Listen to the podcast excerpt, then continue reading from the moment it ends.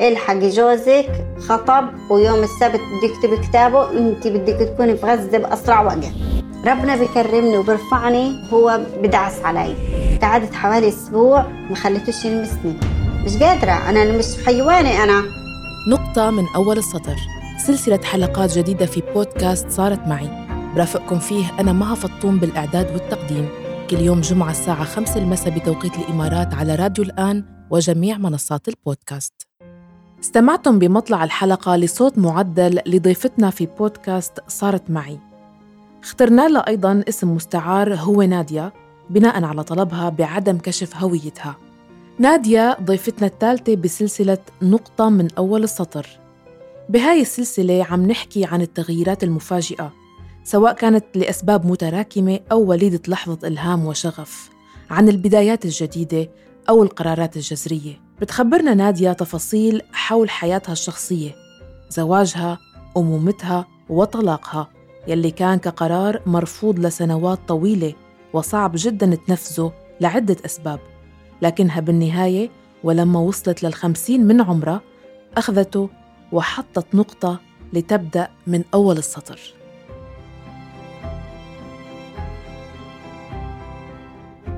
كيف كانت حياتها؟ ليش تزوجت من شخص ما بتحبه؟ ليش صبرت وحاولت تصلح الأمور معه؟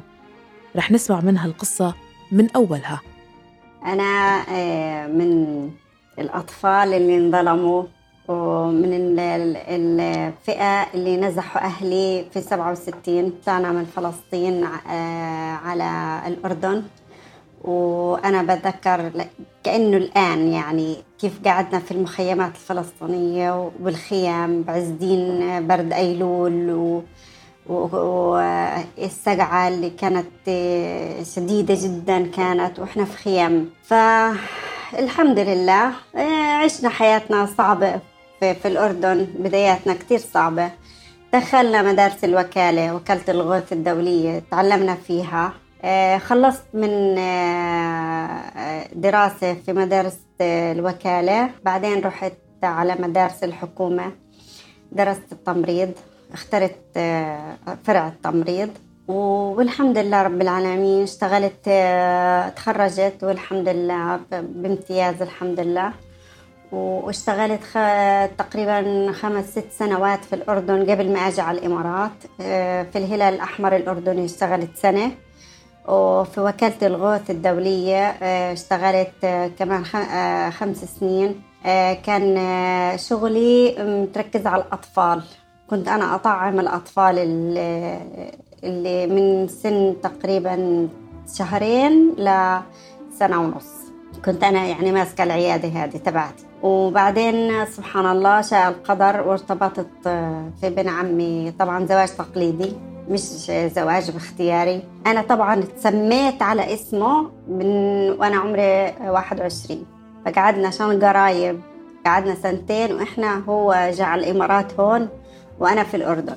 بعدين نزل تزوجنا نزلنا على غزة تزوجنا بعدين جينا على الأردن. بعدين قعدت حوالي خمس ست شهور عند أهلي. كمان بعد ما تزوجت إجا هنا عمل لي فيزا وبعدين لما عمل الفيزا جيت. سبت شغلي. طبعا طبعا أنا كنت ناجحة جدا في شغلي. مدرائي كلهم كانوا كتير يعني تخلق وافقوا لي على الاستقالة بصعوبة يعني. فالحمد لله. المهم كتب لنا الله رزقة تانية في, في الإمارات. وجينا هون. ما كان ليش بيت ما كان ليش آه، سرير ولا غرفة نوم ولا إلي ولا أي شيء كن كان جاب فرشتين. وننام على فرشتين في الصالون في النهار زي هيك صالون نفرش في الليل ننام فيه وفي النهار أضبهن وألبس وأتقمط لأنه جوز أخته حرام أنكشف عليه.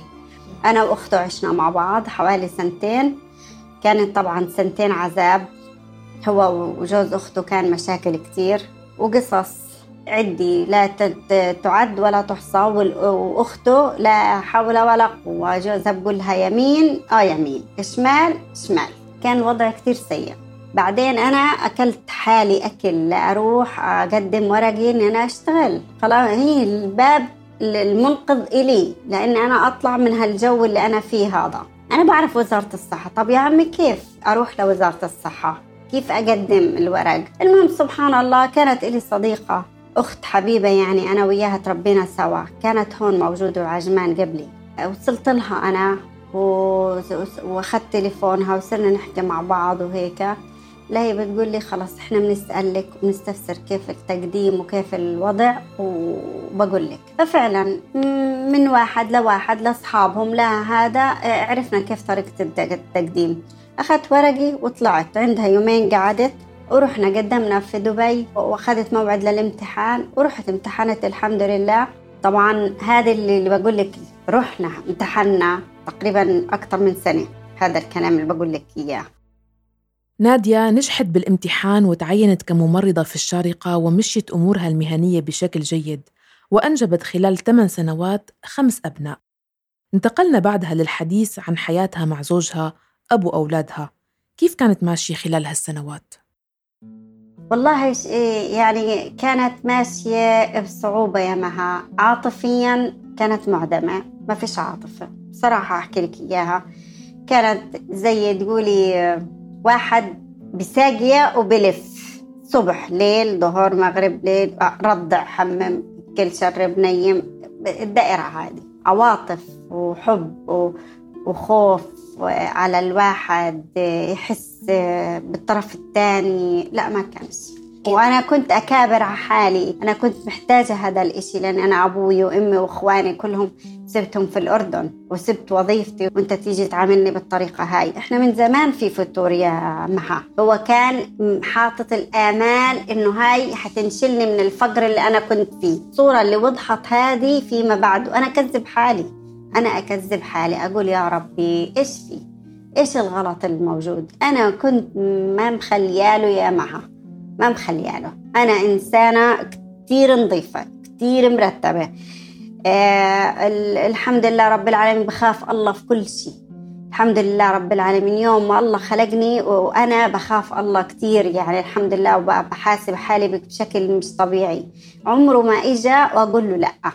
حتى لو تعبانة لو ميتة خلص أنت مش حاسس مش ضروري. خلص خلص حالك وروح مع السلامة.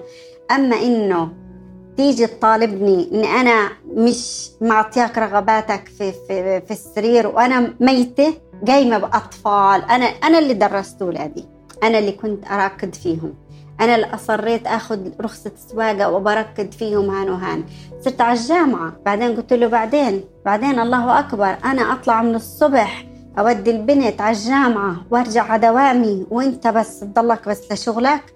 إيش أنا يعني أنا مش بني آدمة ولا كيف يعني؟ اسمع يا ابن الحلال عليك أنت توديها وأنا بجيبها. ما عندي مشكلة صرت إيش أسوي؟ عشان أخ...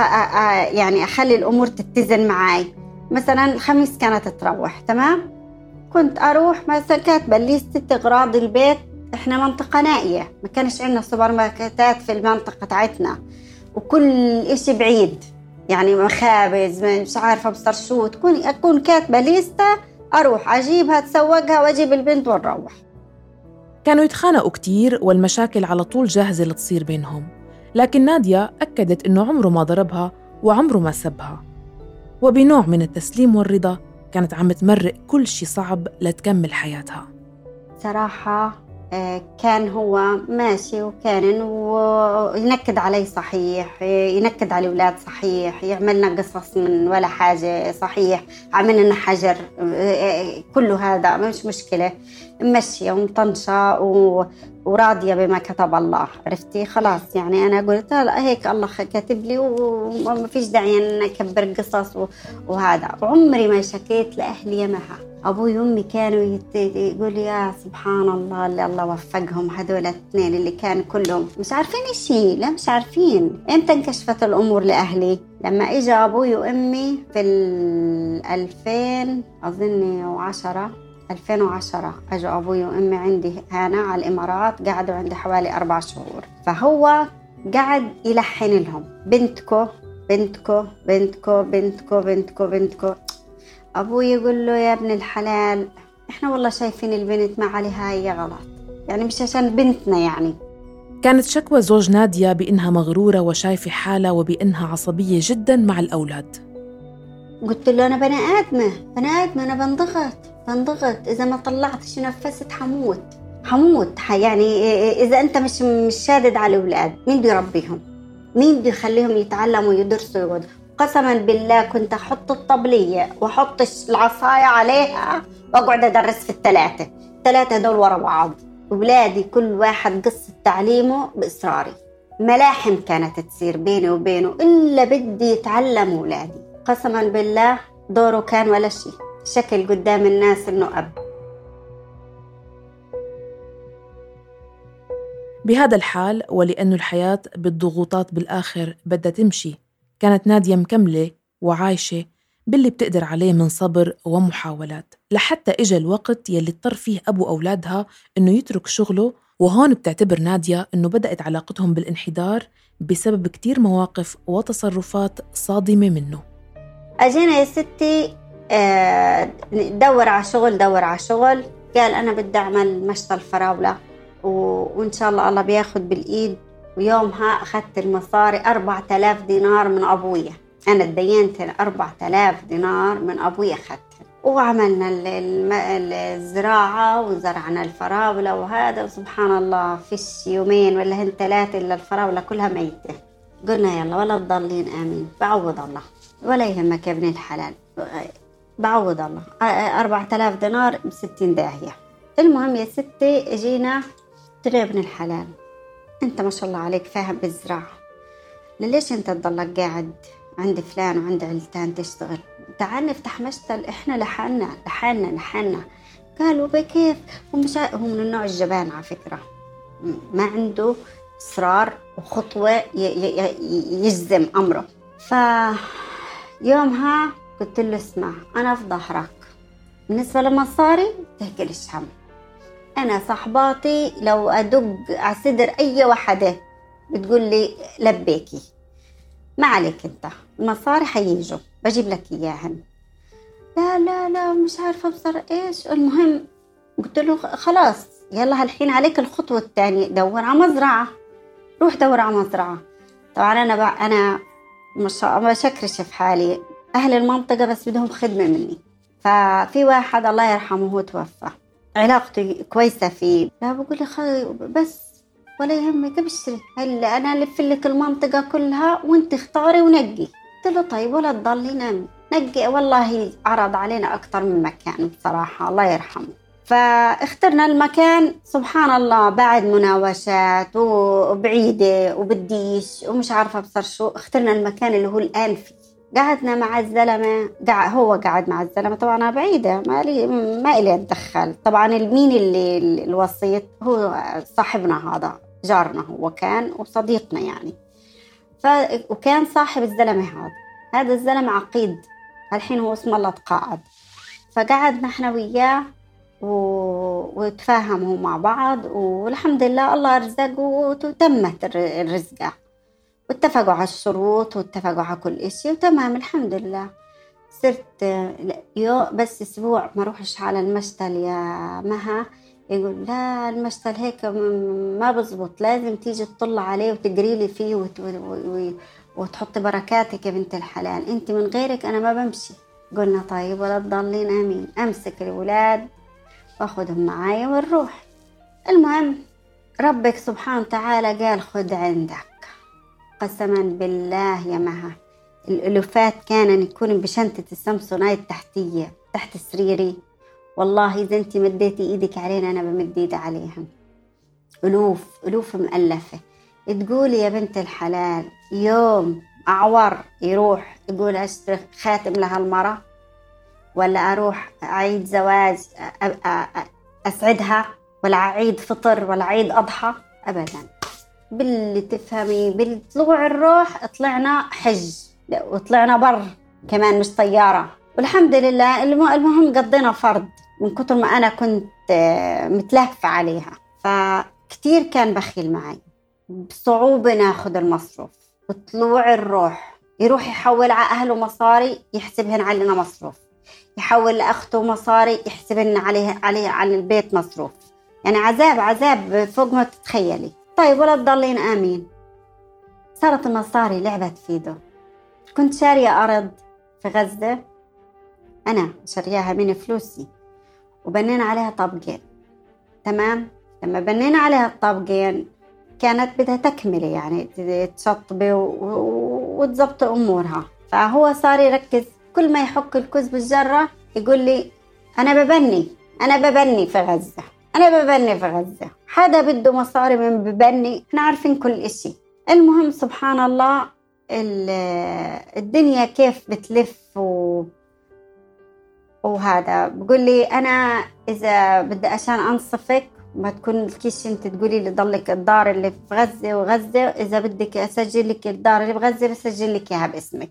وأنا من هبلي على أمانة الله. والله العظيم. قلت له لا أنا بديش في غزة.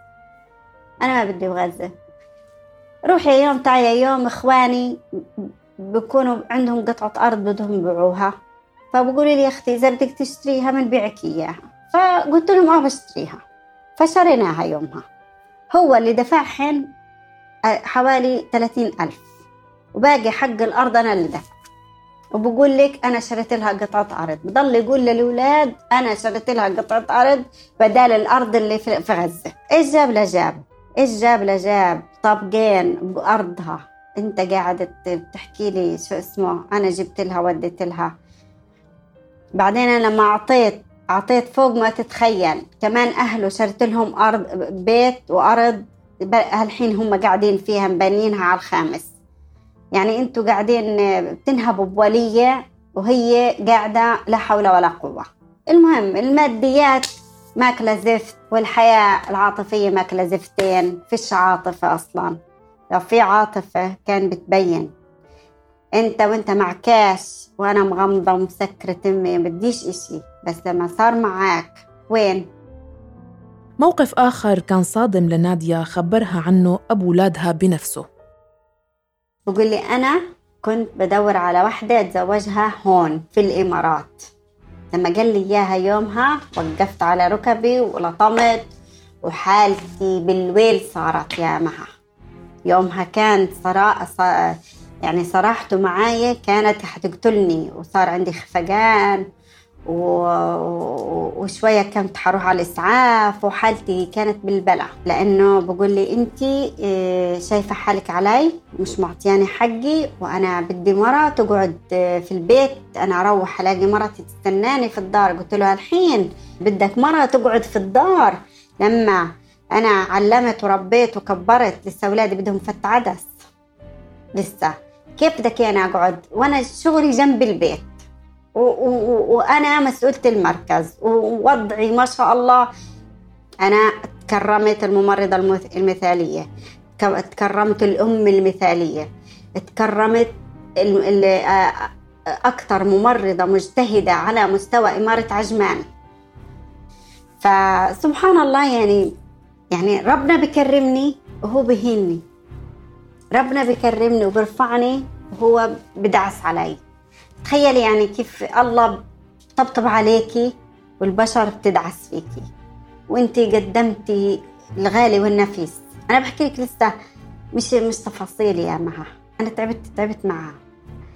فتخيلي أنا لما شفت هذا الموقف قعدت حوالي أسبوع ما خليتوش يلمسني.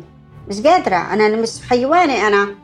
والله لا يعني شو واحد واحد يقول لك جوزك بدي اتجوز عليكي أنا ورحت وشفت البنت وبدي أخطب وبدي باقي بخاشش مراحل متعمقة. وأنا وين؟ أين أنا؟ أيضا ما اكتفى بهذا الموقف. قرر يرافق ابنه برحلته من الإمارات إلى غزة. كونه ابنهم كان يدرس هنيك. والسبب نية ناويها مع تخطيط مسبق بالتعاون مع أخته. تقريبا ترتيب محترم مرتب الزلمة هو وأخته اللي بعتها لها شنطة 30 كيلو هدايا إلها ولبناتها رايحة أخته تخطب له. فلما خطب خطب يا ستي ومقبض المهر 6000 دينار وصدور الحلو وجاي ناس جاي ورايحين إخوانه معاه. فجأت يومها جاني اتصال من واحد آه، من أولاد أخته بحبني كتير. اتصل فيي قال لي هو طبعا يومها مش هو اللي حكاه. خلى أخته تحكي معي وتسكر التليفون. بس وصلت الرسالة إلحقي جوزك خطب ويوم السبت بده يكتب كتابه وإنت بدك تكوني في غزة بأسرع وقت. عشان تفركش الجيزة.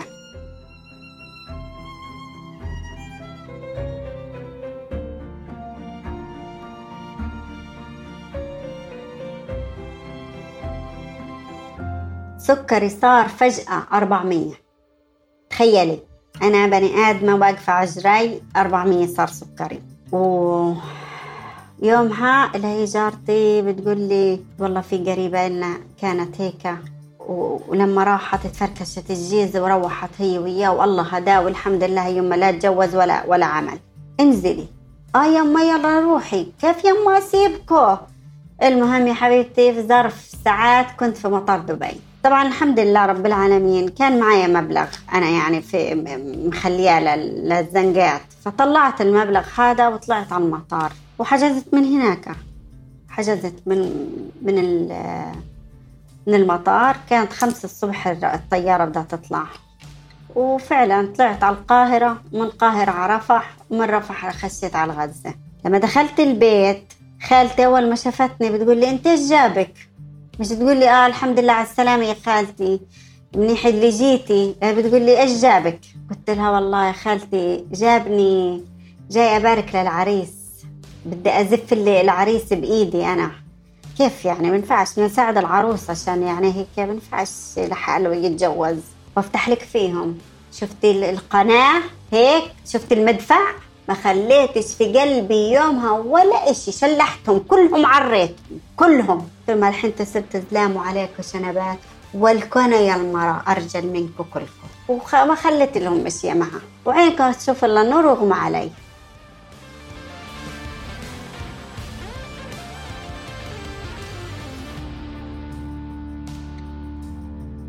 المهم يا ستي أخذنا حالنا وقعدنا هالكم يوم في غزة. الجماعة سمعوا إنه مرته وصلت. لما أبو أبو البنت من الناس تبعون منظمة التحرير اللي كانوا في لبنان الفدائية تبعون لبنان اللي أجوا يقعدوا في غزة. فالزلمة هذا راجل عاقل أنا أحترمه بصراحة يعني. مش عشاني أنا لا. أنا بحترمه لأنه هو عنده نظرة. قال له هي مهرك يا عمي والله يسهل عليك ملكاش بنات عندي للجيزة. ده هو بقول له ليش؟ إيش في؟ إيش صار؟ آه قال له شوف يا بنية اللي عنده مرة بتسيب بيتها وشغلها وولادها وبتسافر بلاد عشان تيجي تنقذ ما يمكن إنقاذه هذه مرة بتنحط على الرأس. ودير بالك على مرتك وسيبك من قصص النسوان. الله يسهل عليك. إحنا في سبير غزة المهر إذا اندفع وبطلتي أنت يا العريس العروسة إلها حق تاخد نصه أو تاخده كله. فهو قال له يا عمي يحرم علينا مصاريك. على فتهن الله يسهل عليك. والله آه، حمل حاله وروح. أجا له بقول لي تعرفي إذا بتصيري واصلة عندهم هناك على بيت البنت أنت حتكوني طالق. قلت له والله مش مستواي أنزل أنا وأروح بيوت الناس وأقول لهم مشان الله يجوزوش جوزي. هذا القرار عندك أنت. أنا ما بقول لك آه، بطل تجوز إيش اللي بدك إياه؟ أنا طول عمري شايلاك وشايلة أهلك وشايلة كل الدنيا على راسي. موقف تذكرته نادية صار قبل قصة محاولة زواجه عليها. بخص راتبها الشهري. كان أخذ منها بطاقة البنك ويسحب الراتب أول ما ينزل. لوقت قررت فيه إنه تاخذها منه. أنت الله بدخل عليك آلاف مؤلفة سيب راتبي في في في, في حسابي. ما لك دخل فيه. ليه يعني تسحبه؟ ليش تناقشت معاه زي معاه هيك وقلت له خلص أعطيني بطاقتي. أنا بدي إياها. المهم هاي كانت نوع من شو بدي أقول لك؟ كسرة لإله هو باعتبرها هيك هو.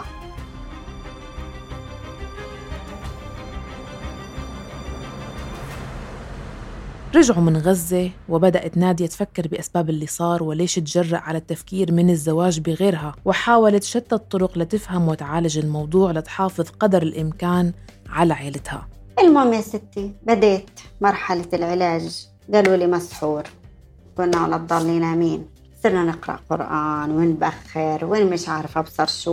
والله بحكي بصراحة خلصنا موضوع اجينا نقعد مع صحباتي أقول لهم إيش إيش النسوان بيعملن للزلام عشان يجذبوهم. قولوا لي كل واحدة تحكي لي اختراعاتها.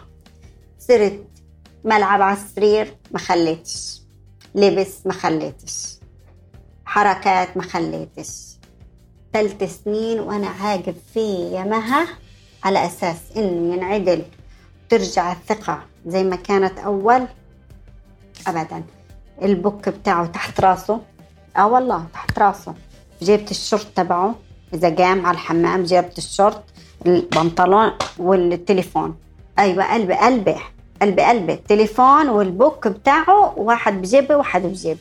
أي محادثات عنده مع أهل العيلة مع هذا ما بحكيهاش قدامي كان. كل تليفوناته برا. بحمل حاله وبطلع برنوا له أنا بشوفهم. برنوا له وباخذ التليفون وبطلع. لكن ليش كل هالسعي لتصليح الأمور بالوقت اللي كانت فيه نادية مش عاجبها طباعه وبخله العاطفي والمادي خانقها وما في أي قواسم مشتركة بينهم؟ أول حاجة نظرة المجتمع. هي أول نقطة. أنا إنسانة عايشة في مجتمع متخلف. المطلقة تعتبر شيء استغفر الله العظيم. هذا أول نقطة ثاني نقطة أولاد عندي بنات. بنات يعني كنت أفكر فعليا كنت هيك تفكيري قبل إنه مين بده يتزوج بنات المطلقة؟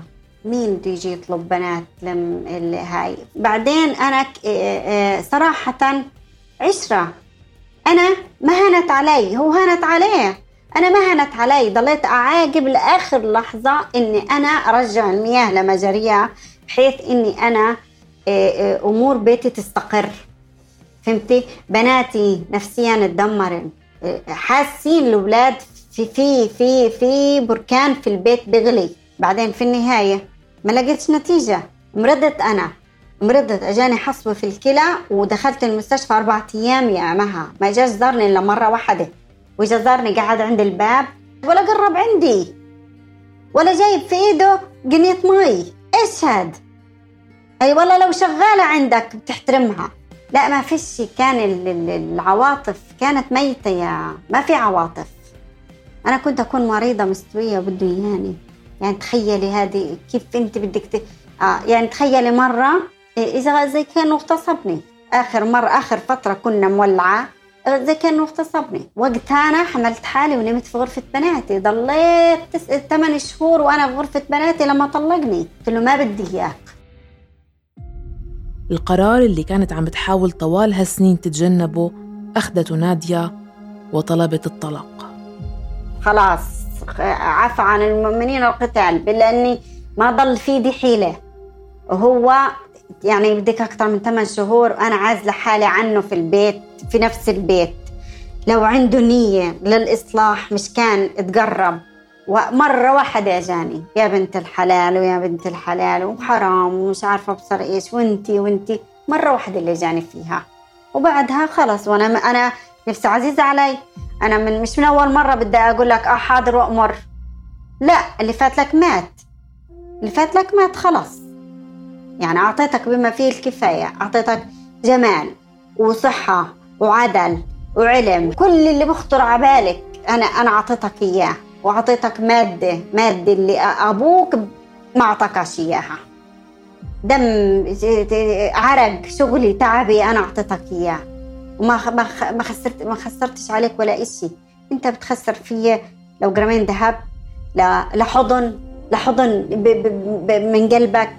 أنا مش لهالقد سيئة. من بعد كل شي سمعته من نادية ما استغربت أبدا التحول يلي صار بتفكيرها. من ست عم بتحاول تصلح علاقتها بشريكها لست عم بتحط نقطة لتبدأ من أول السطر.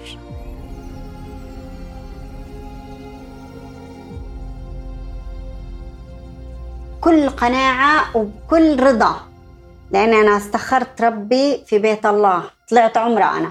طلعت عمرة واستخرت ربي هناك وصحباتي يقولوا لي أنا أبغض الحلال عند الله الطلاق. فهم عارفين عارفين عارفين حقائق كثير فكري ما ما ما تستعجلي. واستخرتي انت وهذا؟ قلت لهم خلاص العزم. فعلا أنا طلعت من شوفي قديش أنا بخاف الله. قبل ما أطلع على العمرة قلت له تعال حقك الشرعي خذه مني قبل ما أسافر.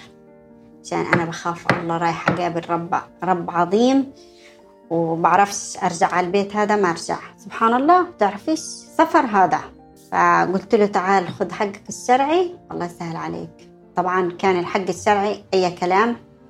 أوه فكت فكينا يعني مش اللي بالك فيها. لأني أنا كنت الخطوة خلاص في راسي هين خلاص. تم الطلاق من بعد محاولات منه بأنه يلوي دراعها مادياً مثل ما عبرت نادية. لكنها ضلت ثابتة على قرارها. واليوم صار لها سبع سنين منفصلة عنه. مرتاحة على حد تعبيرها نفسياً حرة بتصرفاتها تعمل يلي بريحها وبتشوفه مناسب لحياتها ومش رافضة أبداً فكرة الزواج مرة تانية.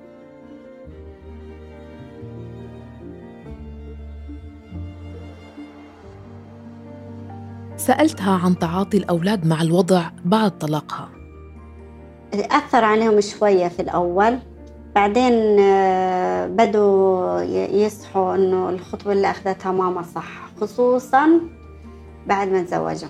بعد ما تزوجوا وشافوا الرجال كيف واللي كنت اللي خايفة منه وهذا بالعكس ما شاء الله أحسن زيجات تزوجوا بناتي ما شاء الله عليهم.